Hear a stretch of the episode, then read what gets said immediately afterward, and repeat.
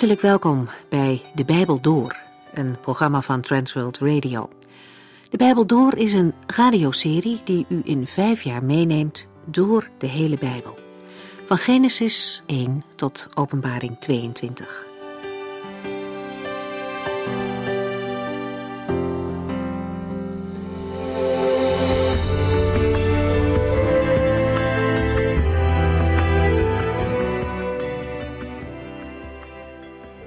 We lezen vandaag weer verder uit het Bijbelboek Maleachi. Terwijl de mensen met elkaar praten en zich afvragen of de Heere het onrecht om hen heen wel opmerkt, spreekt de Heere. Maleachi mag een verrassend antwoord geven, waaruit duidelijk wordt dat de gebeurtenissen op aarde zeker niet buiten de Heere omgaan. God verbergt zich niet. Onverwacht zal de Heere, naar wie wordt uitgezien, naar zijn tempel komen, maar hij komt niet zomaar. Eerst stuurt hij een boodschapper die een weg voor hem zal banen. De komst van de Heere wordt voorbereid. Johannes is zo'n wegbereider. Hij ging voor de Messias uit om dienstkomst aan te kondigen. Maar we kunnen de woorden ook betrekken op de verkondiging van het woord van God. Ook die is bedoeld om de weg voor te bereiden voor de komst van de Heere. De wegbereider wordt allereerst naar de gelovigen gestuurd, naar de mensen die God zoeken, zodat zij klaar zijn om de koning te ontvangen. De vraag komt ook bij ons op of wij daar klaar voor zijn. Want de profetie gaat niet alleen over de eerste komst van Christus, Malachi spreekt ook over de wederkomst. We hebben gelezen dat de priesters gereinigd zullen worden. Zij zullen offeren in rechtvaardigheid en de Heere zal genoegen hebben in hun offers. In die tijd zal de Heer ook snel en doeltreffend recht spreken over degenen die volharden in kwaad doen. Daarmee krijgt het volk een antwoord op hun eerdere vraag, of beter gezegd hun klacht, dat de Heer niets deed tegen het kwaad. Het lijkt wel alsof mensen die verkeerd deden alleen maar gezegend werden, zo dacht men. De Heere laat echter weten dat Hij recht zal spreken. In het zesde vers benadrukt de Heer nog eens dat Hij niet veranderd is hij is dezelfde, gisteren, vandaag en tot in eeuwigheid. En vandaag gaan wij nadenken over Malachi 3, vers 8.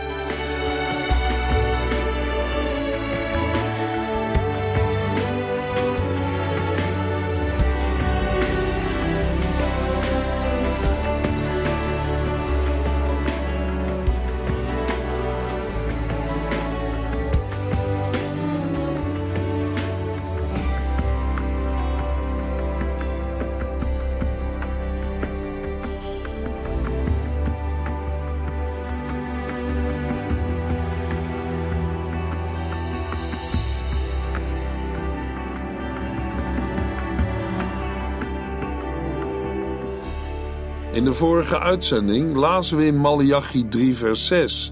Want ik, de Heere, ben niet veranderd. En daarom bent u nog niet tot de laatste man uitgeroeid. Want ik blijf altijd genade bewijzen. We zagen ook dat het volk nergens de vraag stelt waarop de woorden van vers 6 het antwoord zijn. Maar uit het antwoord van de Heere moeten we concluderen dat die vraag leeft in de harten van de mensen in de dagen van de profeet Malachi. Gezien de omstandigheden en het moeilijke leven dat de Israëlieten hebben, is de vraag niet onbegrijpelijk. Maar toch is het in hun geval geen vraag, maar eerder een klacht van ongeloof. De klacht is: de Heere doet niet wat hij heeft beloofd, de Allerhoogste is van gedachten veranderd. Voor de inwoners van Juda en Jeruzalem waren de levensomstandigheden niet best. En ze lijken in veel opzichten in strijd met wat de Heere bij de terugkeer uit de ballingschap had beloofd. Maar de Heere weet wat er in de harten van de klagers leeft en geeft als antwoord: Ik, de Heere, ben niet veranderd. En zo gaat de Heere via de profeet Malachi het vijfde gesprek aan met zijn volk. De Israëlieten hadden het kunnen weten dat de Heer niet is veranderd, want hij zegt in vers 6: En daarom bent u nog niet tot de laatste man uitgeroeid, want ik blijf altijd genade bewijzen. Het voortbestaan van het volk Israël is het sprekende bewijs van de onveranderlijkheid van de Heere. Als God niet trouw was aan zichzelf en aan zijn eigen woord, dan was Israël al lang verdwenen en tot de laatste man uitgeroeid. Als God zich in zijn handelen liet beïnvloeden door menselijk handelen, dan was er van zijn volk niemand overgebleven. Uit Malachi 3 vers 7 wordt duidelijk dat het probleem niet bij de Here ligt, maar bij het volk. We lezen in Malachi 3 vers 7 Hoewel mijn geboden al eeuwenlang door u zijn overtreden, mag u toch nog bij mij terugkomen, zegt de Heere van de hemelse legers. Kom en ik zal u vergeven. Maar u zegt: Wij hebben u in geen enkel opzicht ooit verlaten. De woorden van vers 7 laten ook zien dat het genoemde probleem niet iets van de laatste tijd is. De Heere zegt: Mijn geboden zijn al eeuwenlang door u overtreden. De mensen in de dagen van Malachi zijn nog altijd echte kinderen van Jacob, de bedrieger, die van mening was dat hij God een handje moest helpen. Maar daarmee lopen zij de Heere voor de voeten en luisteren niet naar zijn geboden. Het is dat God de onveranderlijke is, dat hij weet wat maaksel zij zijn en dat hij trouw blijft aan zijn eigen woord en werk. Maar anders waren zij al lang tot de laatste man uitgeroeid. Vroeger heeft Mozes in de woestijn al een paar keer zijn hart vastgehouden als Gods boosheid losbarstte over de Israëlieten. En de profeet Amos vraagt aan God: Heere God, vergeef uw volk toch alstublieft. Stuur deze plaag niet. Als u zich tegen Israël keert, blijft niemand meer op de been. Israël is maar zo klein. Ook na de ballingschap is het probleem van de Israëlieten dat zij de geboden van de Heere overtreden. Maar dan klinkt ook de boodschap van genade. U mag toch nog bij mij terugkomen. De woorden herinneren aan woorden van de Heere in de tijd van de profeet Ezekiel. In Ezekiel 18, vers 25b tot en met 32 zegt de Heere: Luister naar mij, volk van Israël. Ben ik onrechtvaardig of bent u dat? Als een rechtvaardig man niet langer goed leeft, maar begint te zondigen en in zijn zonde sterft, sterft hij om het kwaad dat hij heeft gedaan. En als een goddeloos mens niet langer goddeloos handelt en de wet gehoorzaamt en hij het goede doet, zal hij zijn leven redden, want hij heeft erover nagedacht en besloten zijn zonden de rug toe te keren en een leven naar Gods wil te gaan leiden. Hij zal zeker leven en niet sterven. Toch blijven de Israëlieten volhouden dat de Heere onrechtvaardig is. Och, volk van Israël, u bent onrechtvaardig, niet ik. Ik zal ieder van u oordelen, Israël, en ieder voor zijn eigen daden belonen of straffen. Houd op met zondigen, nu u er nog de gelegenheid toe hebt anders zult u omkomen. Werp uw zonde van u af en zorg dat u een nieuw hart en een nieuwe geest krijgt. Want waarom zou u moeten sterven, Israël? Het doet mij geen plezier u te zien sterven. Bekeer u liever en leef. Dat is de boodschap van God sinds de zondeval van Adam en Eva. Voor de zondvloed al verkondigd door Noach en daarna door de profeten in het Oude Testament. En in het Nieuwe Testament krijgt Gods boodschap van bekering en terugkeer tot Hem nog meer kracht als de Heer Jezus zijn werk onder Israël begint en dezelfde boodschap wordt verkondigd. In Matthäus 3, vers 2 lezen we dat Johannes de Doper iedereen toeriep: Bekeer u, want het koninkrijk van de hemelen is vlakbij. En in Matthäus 11, vers 20 lezen we over de Heer Jezus. Hij begon verwijten te maken aan de steden waar hij de meeste wonderen had gedaan. Hij verweet ze dat zij zich niet tot God hadden bekeerd. En in Handelingen 2, vers 37 en 38 lezen we, na de Pinksterpreek van de apostel Petrus, het volgende. Toen de mensen dit hoorden, werden zij diep in hun hart geraakt en vroegen aan Petrus en de andere apostelen: Vrienden, wat moeten wij doen? Petrus antwoordde: U moet zich bekeren tot God en u laten dopen in de naam van Jezus Christus, want dan worden uw zonden vergeven en de Heilige Geest zal in u komen wonen. Het is de boodschap van de apostelen, die zijn uitgegaan om het evangelie te verkondigen, namelijk de bekering tot God en het geloof in Jezus Christus. En in onveranderlijke trouw aan zichzelf is dat ook de boodschap van God, die klinkt in de oordelen waarover we in het laatste Bijbelboek Openbaring lezen. Maar helaas lezen we in de Bijbel ook heel vaak de reactie van mensen, zoals bijvoorbeeld in Openbaring 16, vers 9, waar we lezen: Maar in plaats van zich te bekeren en God alle eer te geven, vervloekte zij hem die de macht over de plagen heeft.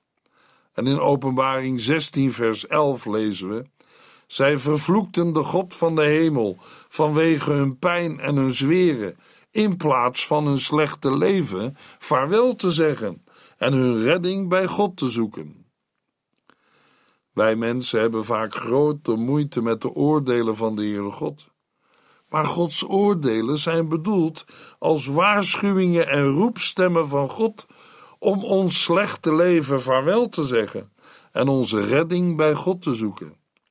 De Heere vraagt in Ezekiel 18 vers 23 Denkt u dat ik de goddeloze graag zie sterven?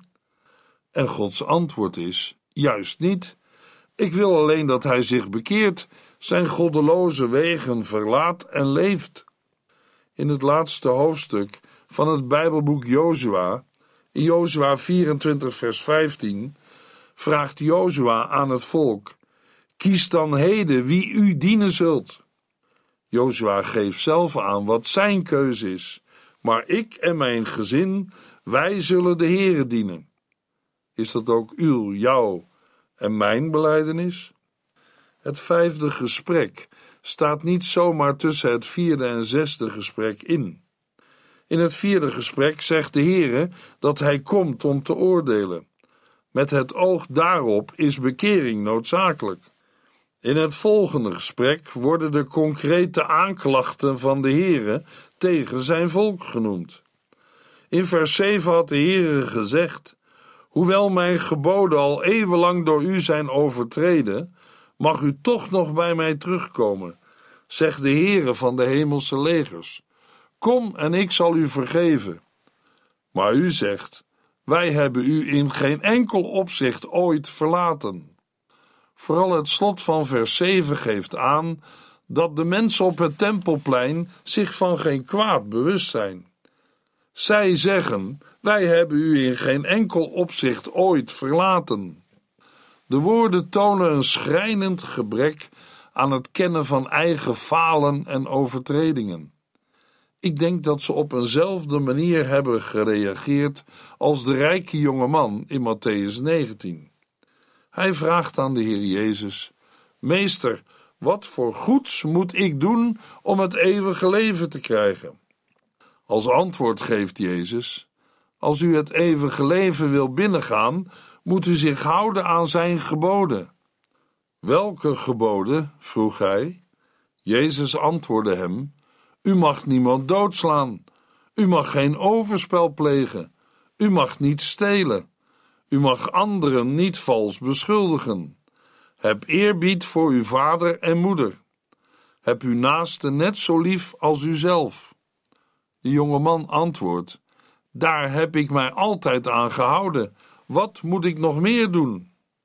De mensen in de tijd van Malachi gaven iedereen het zijne en waren ook godsdienstig. Ze brachten iedere dag de voorgeschreven offers. Kijk, dat de niet-Joden of heidenen zich moeten bekeren is logisch. En dat de Joden die nog in Babel zijn gebleven zich moeten bekeren, spreekt ook vanzelf. Maar zij, Zij wonen in Jeruzalem en gaan iedere dag naar de tempel om te bidden en offers te brengen.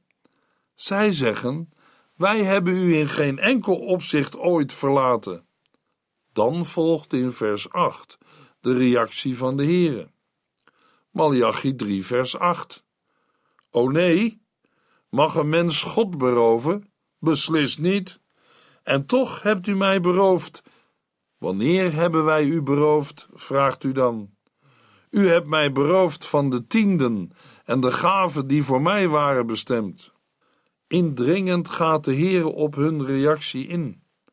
God begint met het stellen van een algemene vraag: Mag een mens God beroven?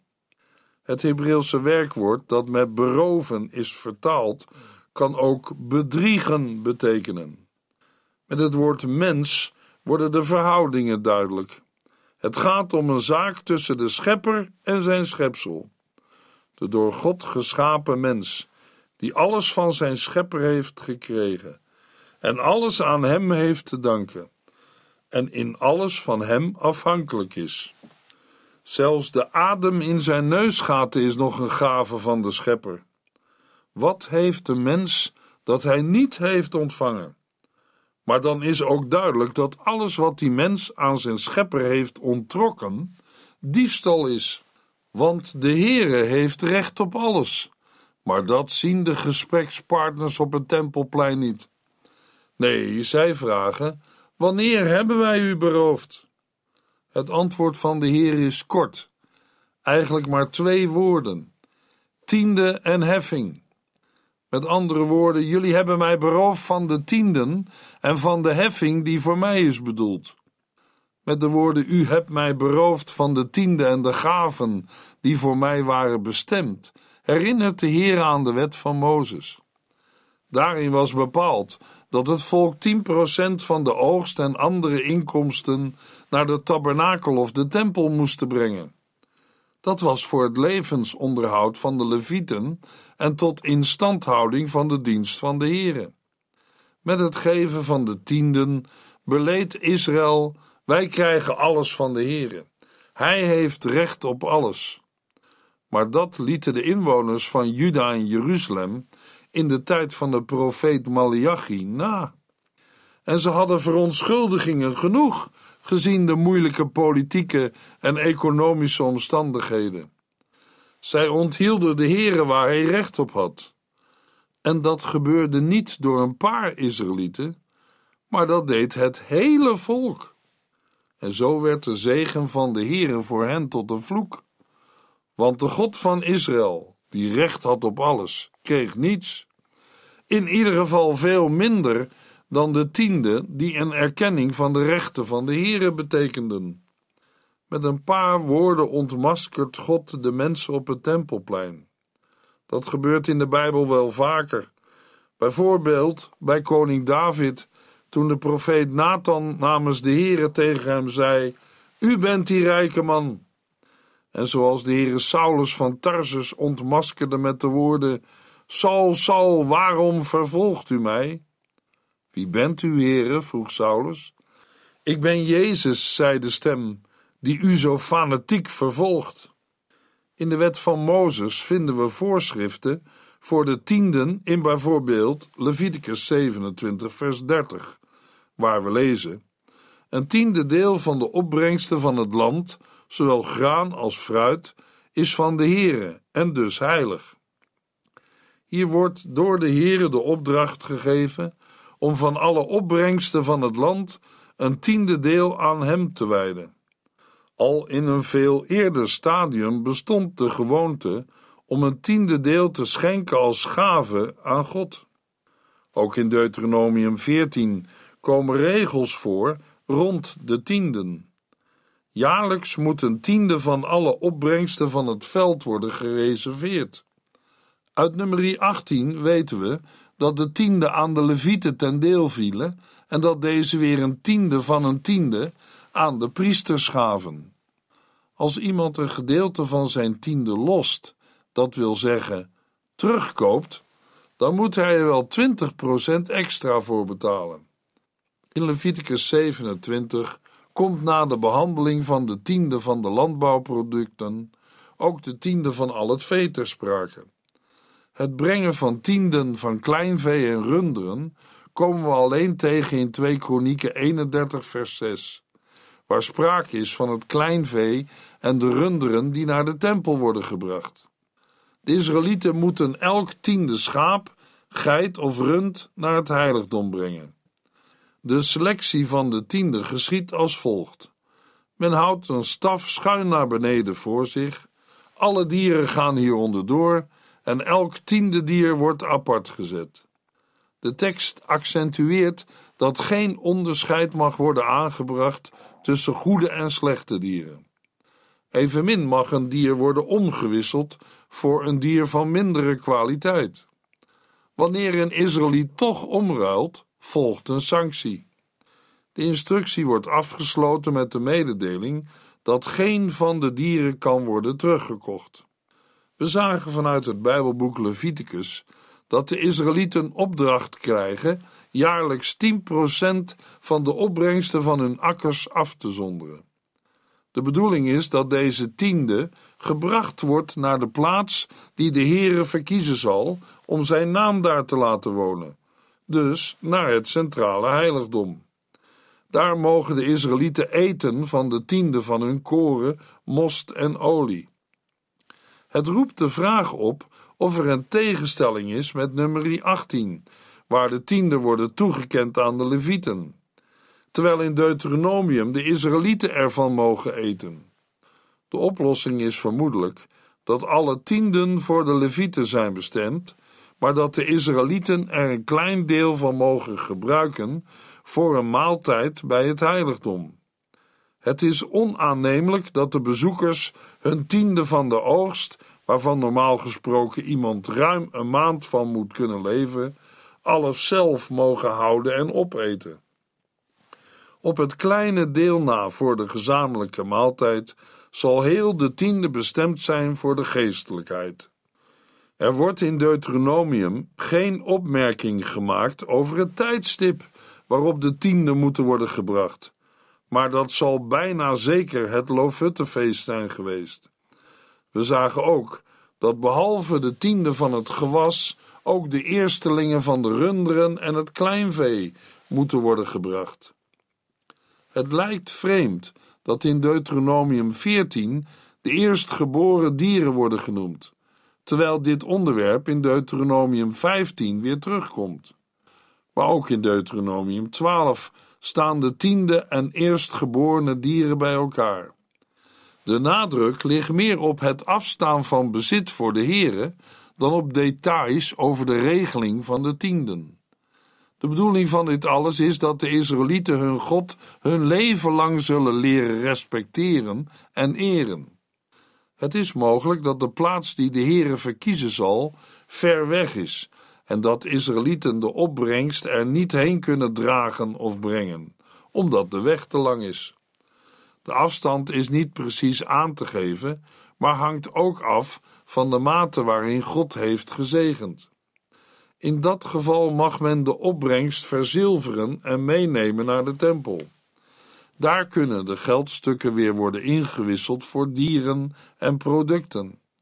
Als dieren worden runderen en kleinvee genoemd, maar de producten zijn anders.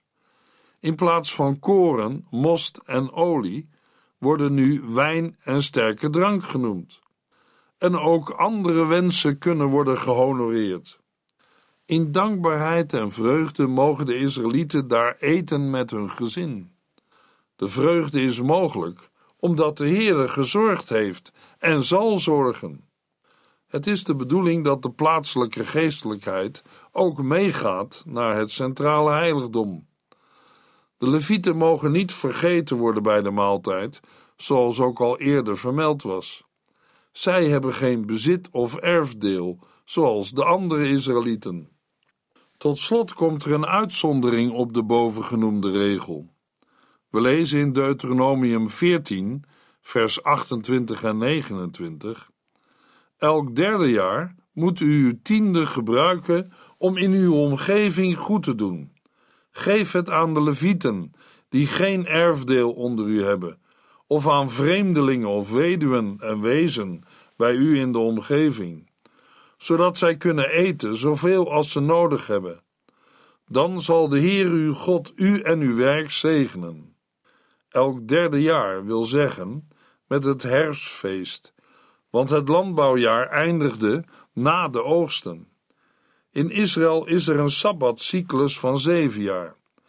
De regeling die in vers 28 wordt weergegeven, heeft betrekking op het derde en zesde jaar. In het sabbatsjaar moet de grond braak blijven liggen en is er geen oogst. In het eerste, tweede, vierde en vijfde jaar van elke sabbatcyclus moet de Israëliet zich houden aan de bovenstaande regel.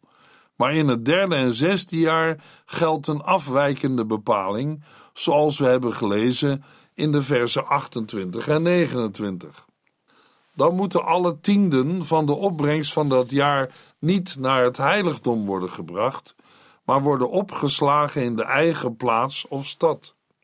De opbrengst is bestemd voor de levieten, de vreemdelingen die zich hebben gevestigd, de wees en de weduwe. Deze mensen hoeven niet per definitie arm te zijn, maar ze bezitten geen eigen land en zijn daarom verstoken van die opbrengst, zodat ze gemakkelijk arm kunnen worden. Als de Israëlieten zo handelen, zal de Heer hen zegenen in het werk dat zij doen. Tijdens dit derde jaar moet de Israëliet wel naar het heiligdom gaan en daar een verklaring afleggen dat hij de tienden nauwgezet aan de levieten en armen heeft gegeven. Maar in de tijd van Malachi deden de Israëlieten dat niet. Malachi 3 vers 8 O nee, mag een mens God beroven? Beslist niet. En toch hebt u mij beroofd. Wanneer hebben wij u beroofd? vraagt u dan. U hebt mij beroofd van de tienden en de gaven die voor mij waren bestemd. In gedachten zie ik de mensen in Jeruzalem ongelovig kijken. Ze zijn er echt niet van overtuigd dat daar de oorzaak van de ellende ligt. Daarom gaat de Heer nog verder. Maar daarover meer in de volgende uitzending. We lezen dan Malachi 3, vers 9 tot en met 16.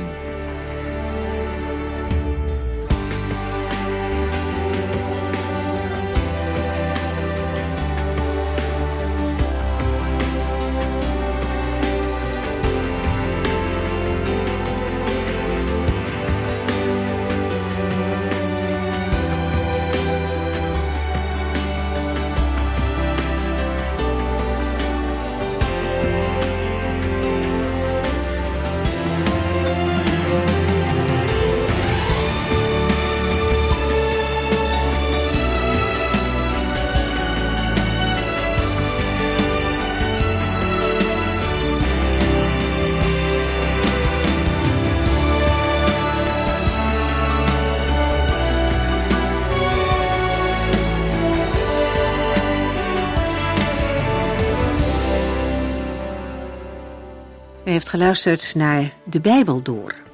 In het Nederlands vertaald en bewerkt door Transworld Radio. Een programma waarin we in vijf jaar tijd de hele Bijbel doorgaan. Als u wilt reageren op deze uitzending of u heeft vragen, dan kunt u contact met ons opnemen.